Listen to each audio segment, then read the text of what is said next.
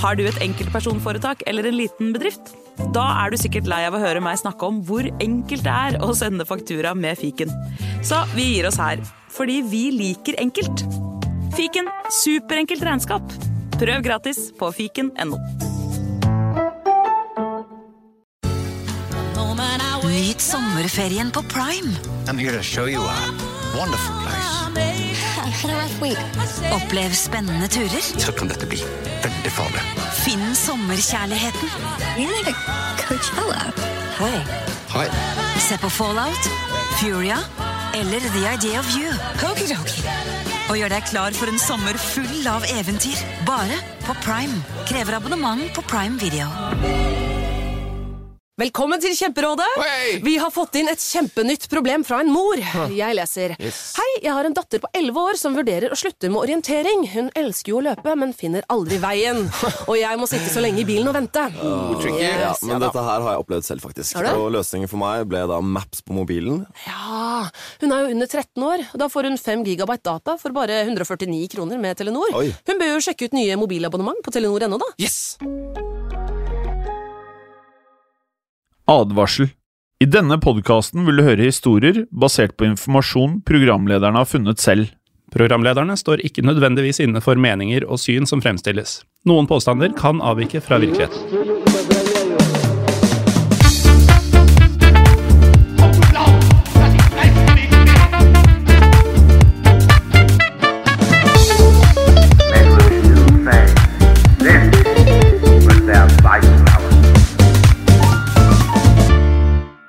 Og velkommen til en splitter ny episode av Historiepodden VV2 eller WW2 eller Historiepodden andre verdenskrig. Mitt navn er som alltid Jim Fosheim. Og mitt navn er Morten Galaasen. Hei, Morten. Hei. Hvordan står det til? Jo, bra, bra. Ja, samme her. Jeg uh, gjør noe som er helt nytt. Altså, vi har spilt inn uh, snart 200 episoder av Historiepodden. Over 100 episoder av Historiepodden WW2. Mm. Dette har aldri skjedd før. Og det er noe som lytterne ikke ville merka noe til eh, dersom vi ikke hadde sagt hva det er nå. Nei, og det er jo at jeg, jeg står og spiller inn. Det gjør du. Og så skal jeg ikke ta den historien hvis du hører på historiepodden også, for vi spilte den inn nå litt tidligere i dag. Mm.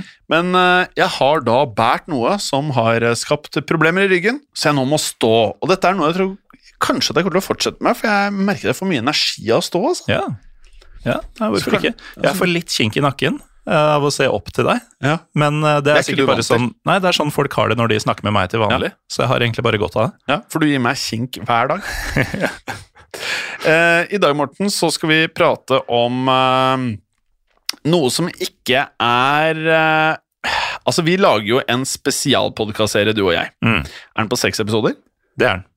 Den kommer i appen Untold. Mm. Eh, Jeg tror mange av de som hører på Historiebånd andre verdenskrig, allerede er abonnenter av Untold. Og hvis du ikke er det, så er det da altså en app du finner enten i AppStore hvis du er en IOS-bruker, Eller eh, Google Play Store hvis du er en Android-bruker. ja, eller så har du da untold.app, altså nettsiden. Mm. Og da laster du ned appen, og så er det 30 dager gratis prøveperiode. Hvis ikke så hoster du opp 69 kroner i måneden, eller så kan du gjøre sånn som oss. Vi har tatt 12 måneder, og da får du to måneder gratis i tillegg til de 30 dagene. Mm. Da kan du nemlig høre en i 2023, en splitter ny episode om eh, Skal vi avsløre det, eller? En ny podkastserie, faktisk. Ja, en ny podkastserie om Japan og samlingen av eh, Altså samlingen av Japan til et Ja. rike. Helt riktig. Og vi skal jo da nemlig innom eh, Japan i dag. Det skal vi. Det skal vi. For i dagens episode så skal vi prate om en hendelse som fant sted i løpet av julen.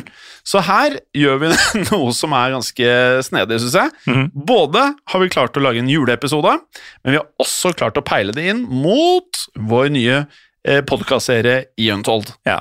Så får det jo heller være at uh, denne juleepisoden kommer et par uker etter jul. Ja da. Men uh, sånn er det.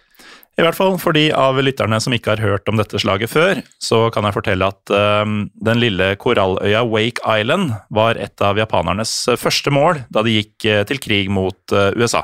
Ja, eh, og for Altså, samtidig som da Japan gikk til overraskelsesangrep på denne amerikanske flåtebasen, nemlig på Pearl Harbor på Hawaii, så gikk japanerne samtidig til angrep andre steder i Stillehavet, og det er kanskje ikke like kjent for folk flest. Nei, det er liksom eh, Det er Pearl Harbor og kun det Ja. som man hører om i eh, i på å si det mer overfladiske historiefortellinga. Ja, Også i populærkulturen med filmer, og historiebøkene nevner jo Pearl Harbor, som var grunnen til at USA kom med i verdenskrig.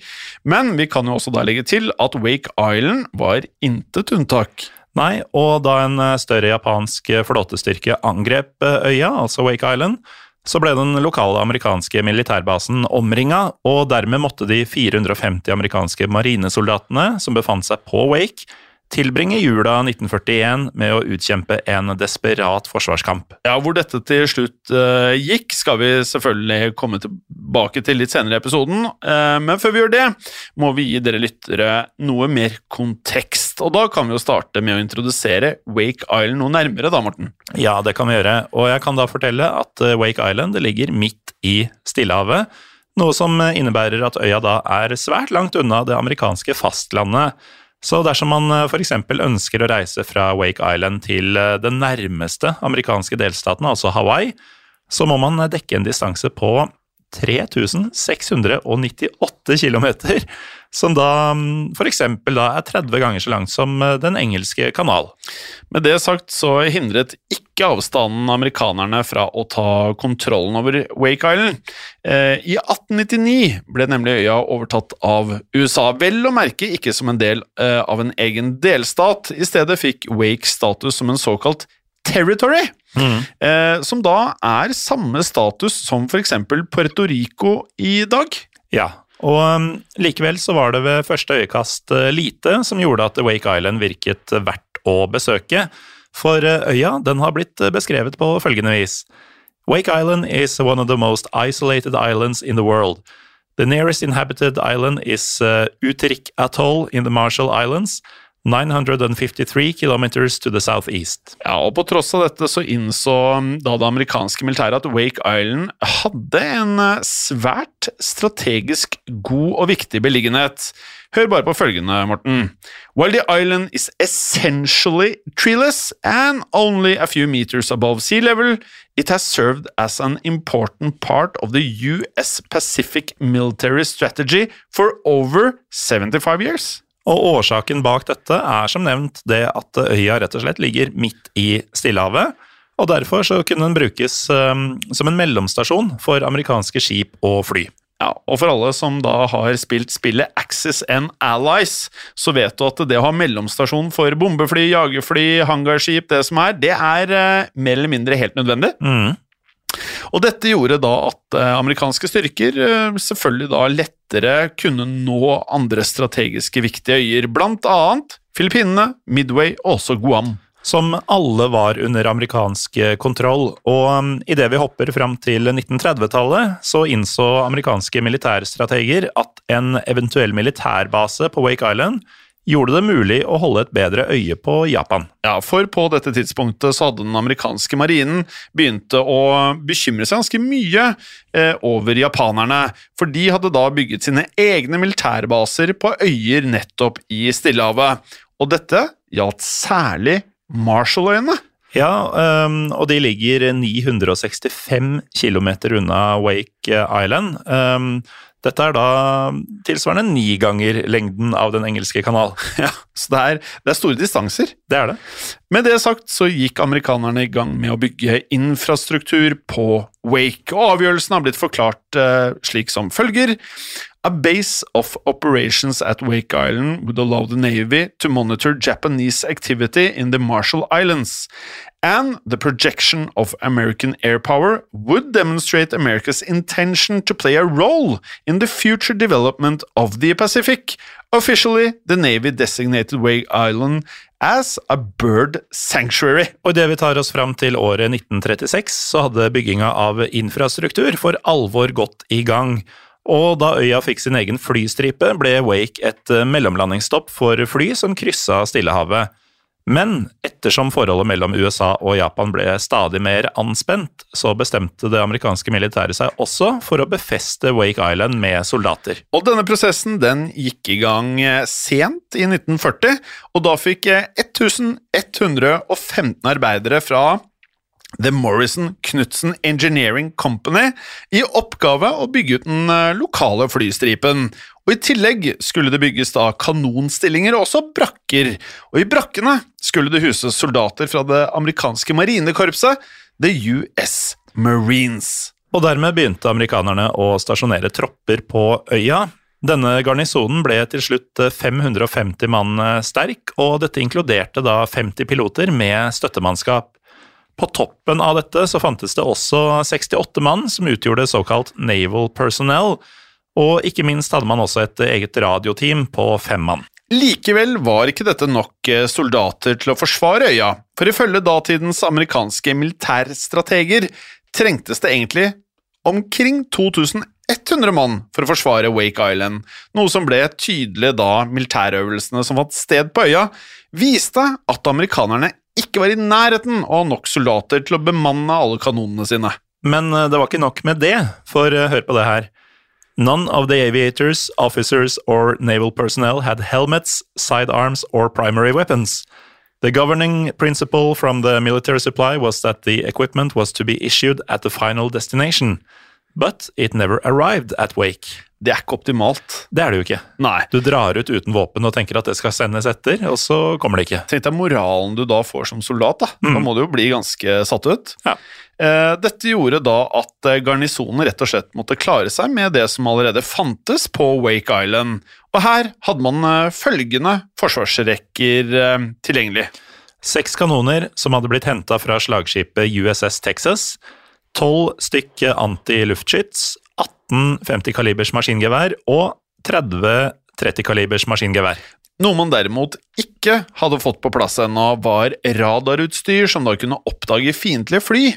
Og dette utstyret lå nemlig i nettopp nevnte Pearl Harbor, der det da ventet på å bli transportert videre til Wake Island. Ja, noe som derimot hadde ankommet Wake Island, var tolv jagerfly av typen F4 Wildcat. Men her var det også en hake, Jim. Ja, og denne haken har blitt forklart på følgende måte.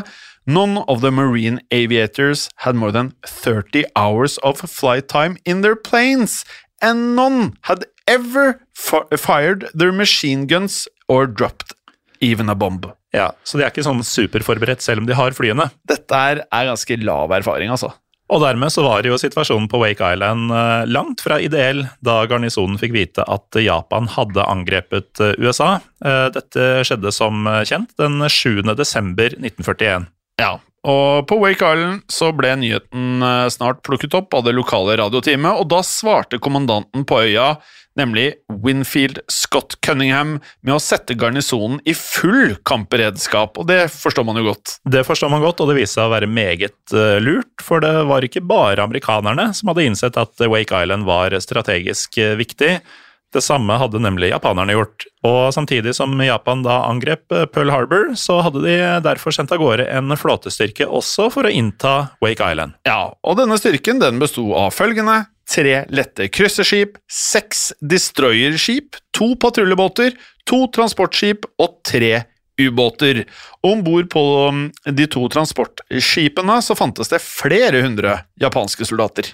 Ja, og her oppgir ikke kildene våre det totale antallet soldater som var om bord på skipene, men som vi skal eh, komme tilbake til, så finnes det et tall på hvor mange japanere som eh, etter hvert eh, forsøkte å gå i land på Wake Island. Ja, Men før det så kan vi fortelle at garnisonen på Wake Island snart oppdaget eh, japanske fly som sirklet over øya, for da klokken var 11.58 presis den 8. desember 1941 så dukket 36 japanske bombefly opp for å angripe lille Wake Island. Men ettersom amerikanerne mangla dette radarutstyret, så klarte de japanske flyene å ta seg tett inntil øya før de ble sett, og dette gjorde bombeflyene delvis takket være et tungt skydekke. Ja, og dermed så fikk japanerne et uh, veldig viktig overraskelsesmoment. Og på grunn av nettopp dette så rakk ikke alle de tolv amerikanske jagerflyene å lette, noe som da gjorde at syv amerikanske fly ble angrepet og også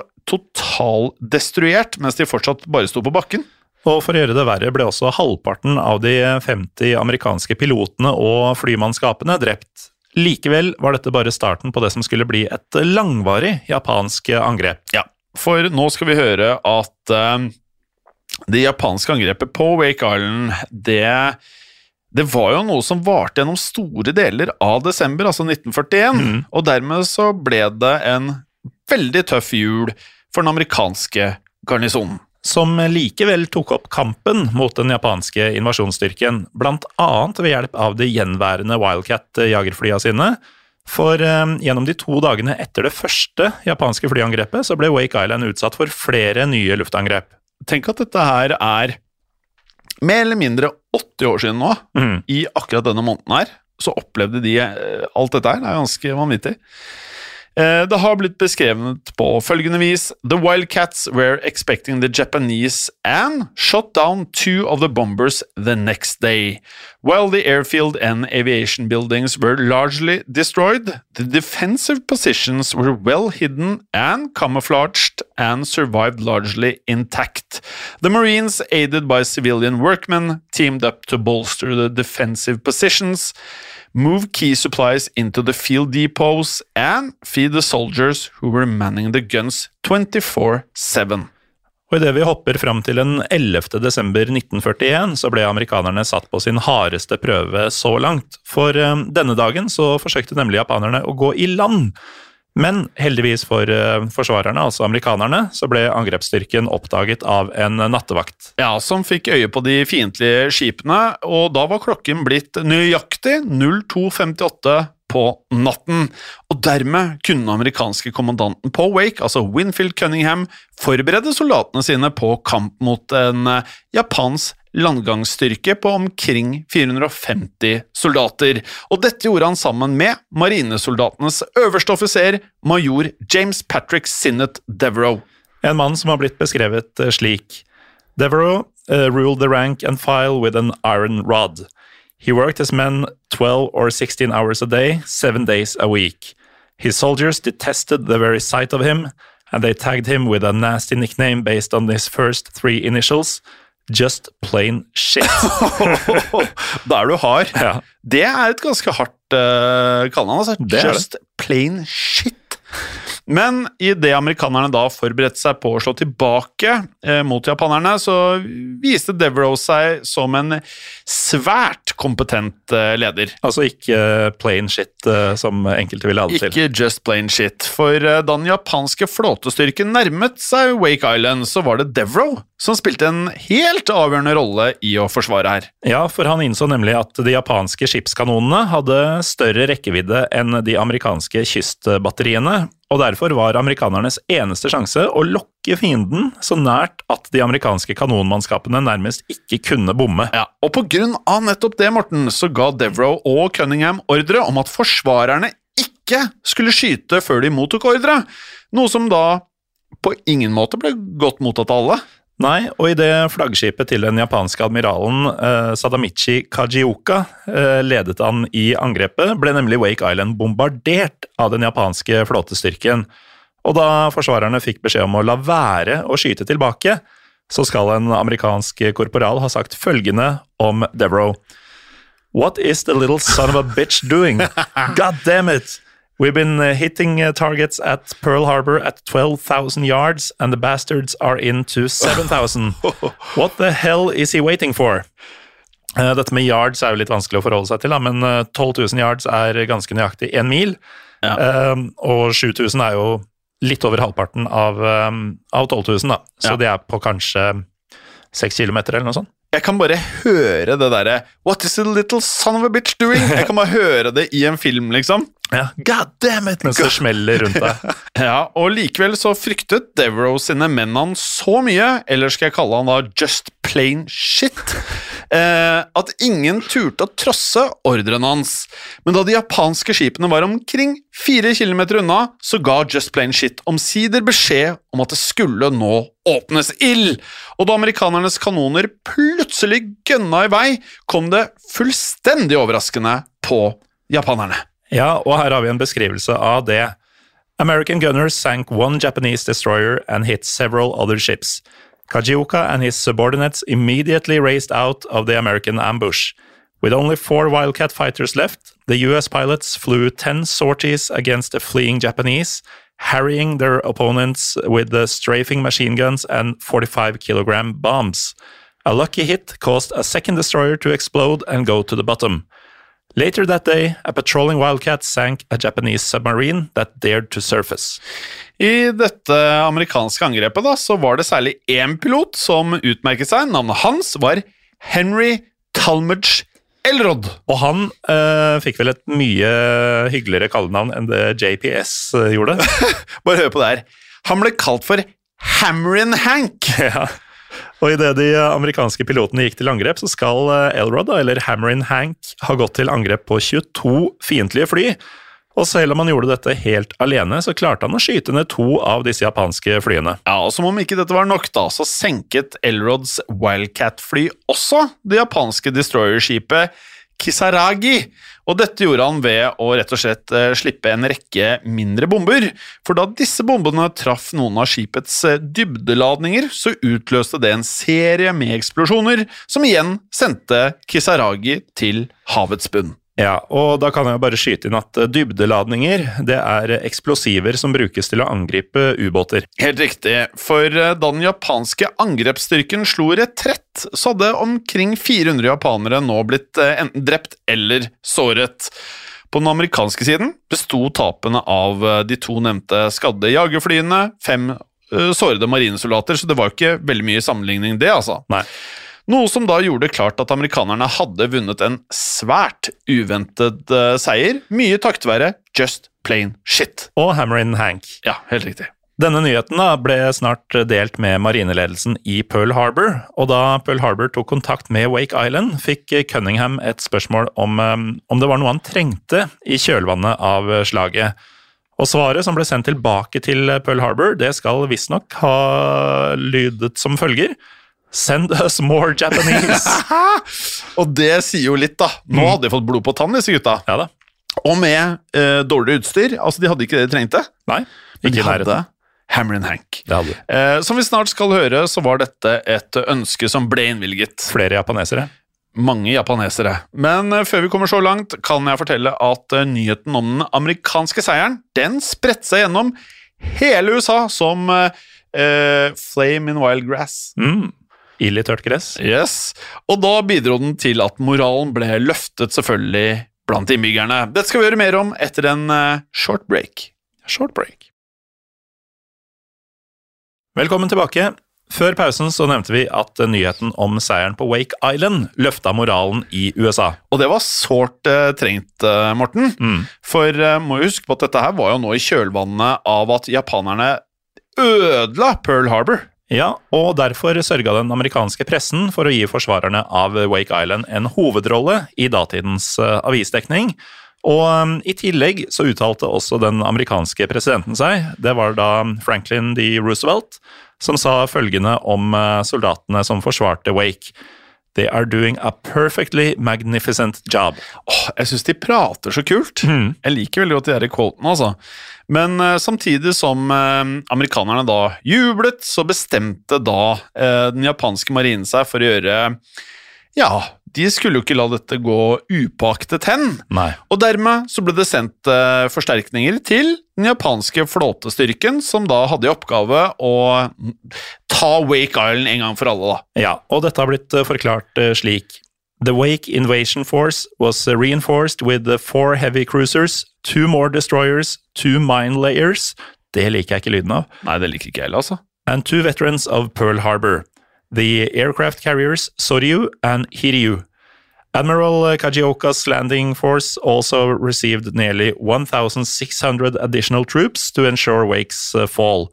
If they were not uh, enough to do the job, the admiral resolved to run six destroyers around and commit uh, their crews to the ground fighting. Med det sagt da, så satte den japanske angrepsstyrken kursen nettopp mot målet sitt nok en gang, og dermed så måtte den amerikanske garnisonen på Wake gjøre seg klar til å forsvare øya enda en gang. Ja, i mellomtiden så bestemte den amerikanske marinen seg for at man skulle forsøke å sende forsterkninger, og derfor ble det satt sammen en større mm, unnsetningsstyrke. Det ble det. Og um, denne styrken skulle annet inkludere hangarskipet USS Enterprise, og for et navn. Eh, Men her fikk da den amerikanske marineledelsen kalde føtter, faktisk. Helt i siste liten. Så i løpet av kvelden den 22. desember 1941 så fikk nemlig Stillehavsflåtens daværende øverstkommanderende viseadmiral William Pyle en eh, aldri så liten beskjed, Morten. Ja, ifølge denne beskjeden så hadde det blitt observert eh, to japanske hangarskip og to slagskip i området rundt eh, Wake Island. Og pga. dette så frykta Pyle at amerikanerne var i ferd med å seile inn i en felle. Så Pyle han ga derfor ordre om at redningsstyrken skulle vende tilbake til Pearl Harbor, og i praksis så innebar dette at Pyle bestemte seg for å ofre garnisonen på Wake Island. som eh, nå rett og slett måtte forsvare seg alene mot uh, nye japanske angrepet. Så nok en gang så skal da disse heltemodige gutta på Wake Island klare seg med altfor lite. Ja, og vi var jo inne på um, før pausen at uh, det, det er jo så isolert dette her. Uh, så det, er, det må ha vært en helt sånn enorm følelse av oss mot verden. Ja, enig. Uh, uh, igjen, jeg er nok ikke en av de som hadde uh, hatt, det, hatt det best av å være der. Men de gutta her er jo helter. Eh, Så dette angrepet det startet natten til 23. desember 1941. Vi har det godt i Norge i 2022 denne julen. Ja, um, det, var- det var ikke noe militær, uh, militært angrep på meg lille julaften i hvert fall. Nei. Uh, men det, det var det altså her. Og, For, ja, fordi det er nettopp det det er snakk om her. Altså, de skal krige lille julaften. ja. og angrepet starta med at de japanske krigsskipene bombarderte Wake Island. I dette bombardementet så ble de siste fire amerikanske kampflyene satt ut av spill, og med det i boks så kunne 1500 japanske soldater forberede seg på å gå i land. Og Landgangen den begynte klokka 02.35 på natta, men idet japanerne gikk i land på flere strender, så støtte de umiddelbart på motstand. Ja, blant annet fra en lettere kanonstilling som var bemannet av en løytnant ved navn Robert Hanna. Og det navnet føler jeg har gått igjen i en og annen eh, krigsfilm om annen verdenskrig, faktisk. Slik vi forstår det, så klarte Hanna å ødelegge to japanske patruljebåter, men da japanerne innså faren som Hanna utgjorde, bestemte seg rett og slett for å bevege seg rundt stillingen hans. Og idet japanerne gjorde dette, så kom de seg så langt at eh, de begynte da å angripe flybasen på øya. Men eh, det var ikke bare ved flyplassen at eh, kampene raste, for i nærheten av strendene ble en annen japansk styrke samtidig møtt av et kraftig amerikansk motangrep. Dette har eh, blitt beskrevet eh, slik. The US counterattack, led by Captain Platt, inflicted heavy casualties on the Japanese and forced them to retreat back to their landing area. Ja, og det var i kampene som foregikk langs strendene at piloten, altså Henry Elrod, altså denne mm, Hammering Hank, igjen inntok en eh, Det er nesten litt sånn eh, Ja, helt. Ja, det er nesten smør på flesk å begynne å kalle han helt nå igjen. Ja, hva annet kunne vi kalt han? Avgjørende. Ja Et flyver-S. Ehm, For ettersom flyet hans eh, hadde blitt satt ut av spill, så hjalp han til med å organisere motstand som fant sted på bakken. Slik vi forstår det, skal Hammerin Hanks eh, avdeling så ha slått tilbake flere japanske angrep. Men eh, dessverre så skulle den eh, 36 år gamle Elrod, eller Hammering Hank, til slutt bli dødelig såra. Dette skjedde visstnok mens han forsøkte å beskytte en gruppe menn, selvfølgelig, nå som vi kjenner han, som bar ammunisjon til en kanonstilling. Og um, før vi går videre, så kan jeg nevne at uh, han etter sin død fikk USAs høyeste militære utmerkelse for innsatsen. Ikke, ingen ringere, holdt jeg på å si, enn The Medal of Honor. Ja, Vel fortjent. Men selv om amerikanerne holdt eh, stand ved noen av strendene, så hadde japanerne som nevnt angrepet den lokale flybasen. Og her gikk det dårligere for amerikanerne. For etter harde kamper så måtte nemlig de amerikanske marinesoldatene trekke seg tilbake fra flyplassen. Deretter opprettet de en ny forsvarslinje. Men eh, dessverre for amerikanerne så klarte 100 japanske soldater å snike seg tett opp til disse stillingene, og um, da japanerne gikk til stormangrep, så fikk de amerikanske offiserene inntrykk av at kampen var tapt. Ja, for da japanske soldater kuttet telefonlinjene, så trodde da major Devereaux at eh, dette var et tegn på at fienden hadde inntatt de fleste amerikanske forsvarsstillingene. Så da øyas øverstkommanderende, altså kommandør Cunningham, fikk vite dette, så ga han motvillig ordre til at marinesoldatene skulle da rett og slett overgi seg. Men i ettertid så viste det seg at denne beslutningen eh, muligens var eh, forhastet, for eh, situasjonen var ikke nødvendigvis like kritisk som Cunningham og Devereaux forestilte seg. Ja, Senere har det nemlig blitt skrevet følgende The Marine Defenders killed or wounded virtually the entire initial Japanese landing force. The Japanese suffered over 800 dead and 300 wounded, although the Japanese had several hundred more in reserve. However, inability to communicate with isolated pockets of still resisting Marines convinced Commander Cunningham that Japanese success was, was much greater than it was, and that further resistance was futile. Og der ser du viktigheten av eh, kommunikasjonskanaler i krig. da. At det, du mister dem og bare endrer Det endrer alt, for du mister oversikt over hva du har og hvem de er. Igjen, vi har blitt spurt om dette en gang. Eh, hva med telefoner? Det var ikke mobiltelefoner engang. Nei, det var det ikke. Nei. Så dermed bestemte Devereaux seg for å sørge for at eh, Cunninghams overgivelsesordre ble fulgt. Og um, om dette har det blitt sagt at Devereaux bravely headed toward the sounds of the fighting to make sure the orders were obeyed. Ja, I løpet av de neste timene så opphørte dermed den amerikanske motstanden, dessverre. Men da kampene stanset, var det klart at japanerne hadde måttet betale en tung, tung pris for eh, denne seieren. For den japanske marinen hadde nemlig mistet to destroyere, to patruljebåter, én ubåt, 21 fly og 900 til omkring 1000 soldater et sted i angrepene. Og til japanernes eh, store irritasjon så hadde den 16 dager lange beleiringa resultert i langt færre tap på amerikansk side. For um, de totale amerikanske tapene var nemlig på Altså, Japan mista oppimot 1000 soldater, i tillegg til alle disse um, uh, båtene og sånn. De amerikanske tapene var på under 100 mann. Det er ganske vanvittig. Mm. Eh, Men idet vi da beveger oss eh, videre til julaften 1941, så begynte nyheten om eh, det amerikanske nederlaget å da spre seg i USA. Og her oppsto det en uventet reaksjon. Denne reaksjonen har blitt oppsummert på denne måten. Rather than mourn the island's defenders, Americans celebrated them as heroes, characterizing their stand against superior odds as a modern day Alamo, and as proof that their country's sons possessed sufficient courage to crush Japan as soon as the US could mobilize its numbers and economic power. Wake Island became a potent American rallying point. Og Her kan vi også nevne at eh, The Battle of the Alamo da er en av de mest berømte last stands i hele den amerikanske historien. For denne hendelsen fant sted i 1836, da en gruppe texanere kjempet til siste mann mot en overlegen meksikansk invasjonshær. Og siden den gang så har jo da disse texanerne blitt huska som eh, martyrer. Altså, Du har helt sikkert hørt ordene 'Remember the Alamo' i en eller annen amerikansk serie eller film. Det er der det kommer fra. Og dette var da altså ikke ulikt den statusen som eh, forsvarerne til Wake Island endte opp med å få, noe som eh, blant annet kom til uttrykk gjennom Filmhjem. Det her, jeg må bare si at sånne episoder som dette, det gjør så godt. Fordi at det er så mange helter som de aller fleste ikke har hørt om.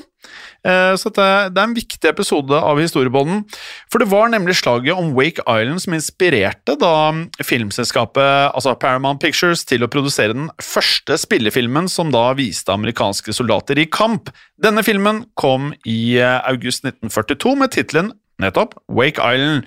Og slik vi forstår det, så bidro den da igjen til at amerikanske marinesoldater fikk en eh, ny bølge med frivillige rekrutter, som var særdeles viktige for å kunne delta i annen verdenskrig. Eh, definitivt eh, veldig viktig, og når det gjelder marinekorpset, så ble betydninga av slaget om Wake Island oppsummert på følgende måte av eh, korpsets daværende øverstkommanderende Thomas Holcomb. Wake Island began the war magnificently for the Marine Corps, and America found that uh, the old soldierly virtues are still embodied in its fighting men. Out of such actions is uh, as uh, this a people's strength and ultimate victory must come. America remembers Wake Island and is proud. The enemy remembers Wake Island and is uneasy. Med det sagt eh, så nærmer vi oss da i hvert fall slutten på dagens episode.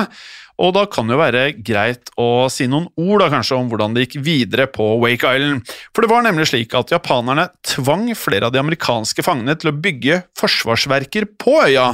Og her ble de amerikanske arbeiderne behandlet på brutalt vis.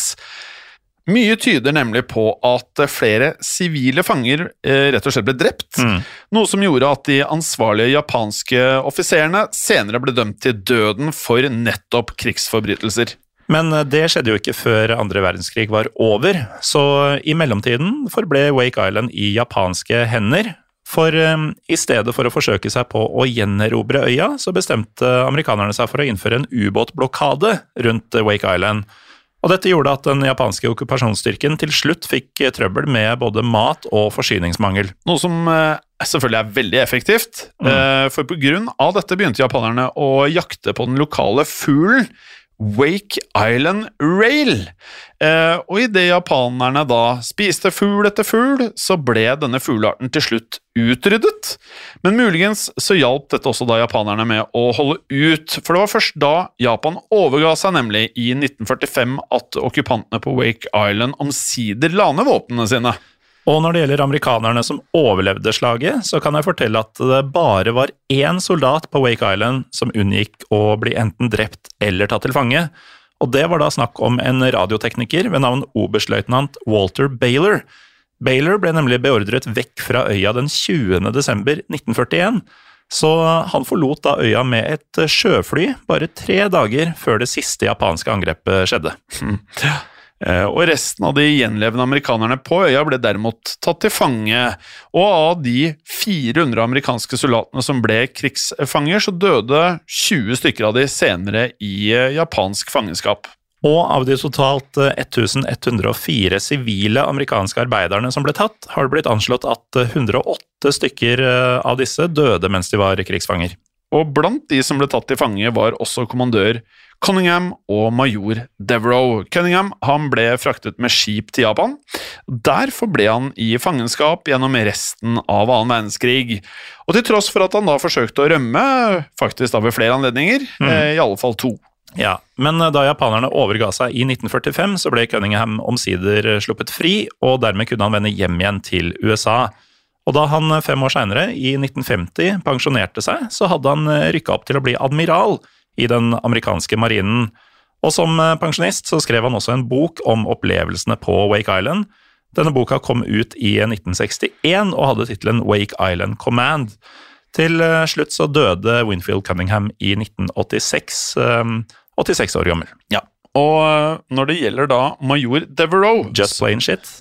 Eller bare JPS, eh, så ble, ble han da fraktet med skip til Japan, og deretter ble han sendt videre til eh, japanske fangeleire i Kina, faktisk. Før han da mot slutten av krigen endte opp i en leir på en av øyene som utgjør det japanske fastlandet, nemlig Hokkaido. Og her eh, befant han seg da Japan overga seg høsten 1945. I likhet med Cunningham så ble Devereaux dermed sluppet fri, Eh, og da han var vel hjemme i USA, mottok han da æresutmerkelsen The Navy Cross, og denne medaljen fikk han for å da utmerket seg, selvfølgelig da på Wake Island. Og begrunnelsen for denne tildelinga lød som følger. Major Devereaux was uh, responsible for directing defenses at Wake Island during the Japanese siege from December 7th through December 22nd, 1941, against impossible odds. Major Devereaux's inspiring leadership contributed in large measure to the outstanding success of these uh, vital missions and reflect great credit upon the United States Naval Service. Ja, og med denne medaljen da, så gikk Devereaux uh, av med pensjon i 1948, og da hadde han rukket å bli brigadegeneral. Og han hadde også utgitt en egen bok eh, om tiden på Wake Island, selvfølgelig, og denne boken fikk tittelen Story of Wake Island. De likte å skrive i pensjonsåra, disse gutta. Ja, de gjorde det. Som eh, sivilist så ble Devereaux så valgt inn i den amerikanske kongressen, og her tjenestegjorde han gjennom 1950-tallet som en av representantene fra delstaten Maryland. Og I årene etter dette så var han også innom eh, andre offentlige verv på lokalnivå, samtidig som han drev med gårdsdrift. Men til slutt så døde James Patrick Sinnett Devereaux i en alder 85 år, og dette skjedde 5. august 1988. Og da er eh, den siste av våre hovedpersoner borte, Jim. Eh, Vi er i mål med historien. En historie jeg ikke ante eh, noe om før vi satte i gang med det. Ikke jeg heller. Jeg følte det meste med dette her var da egentlig alt som hadde med Pearl Harbor å gjøre. Men dette her var jo kanskje enda mer spennende. For Pearl Harbor så var det jo bare en rett og slett bare en eh, bombing og destruksjon av området. Ja, og ikke minst så har man hørt historien så mange ganger Ja. uh, allerede. Uh, mens dette var jo både stedet og hendelsene og folkene var, var nytt for meg. Mm. Uh, og det, det føler jeg vi opplever ofte i historiepodden. Og det er det som gjør det ekstra gøy, da. Det er det. Ja. Og um, hvis man syns dette var gøy, ja, historiepodden andre verdenskrig i dette tilfellet, da, men mm. også i historiepodden Mm. um, Vi uh, er jo ukentlig ute med begge de podkastene i Untold, Ja. for de som eventuelt ikke hører på oss der ennå.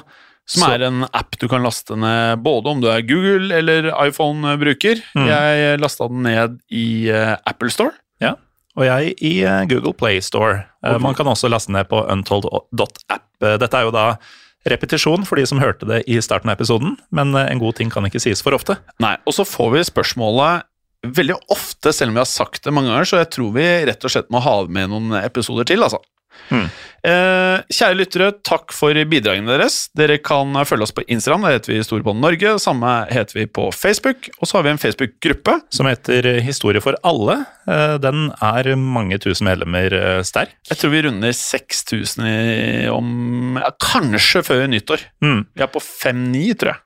Og det er jo et eh, ypperlig sted for å dele ting man enten har lyst til å snakke om, eller tips til filmer, bøker osv. Og, Mm. uh, og selvfølgelig for å mase på oss for å endelig lage den episoden som dere ønsker dere. Ja, Og så har jeg jo da kjørt en avstemning om hva som skal bli vår neste podkast. Gå inn der for å følge med på hvordan den avstemningen eh, foregår. As we speak. Nydelig.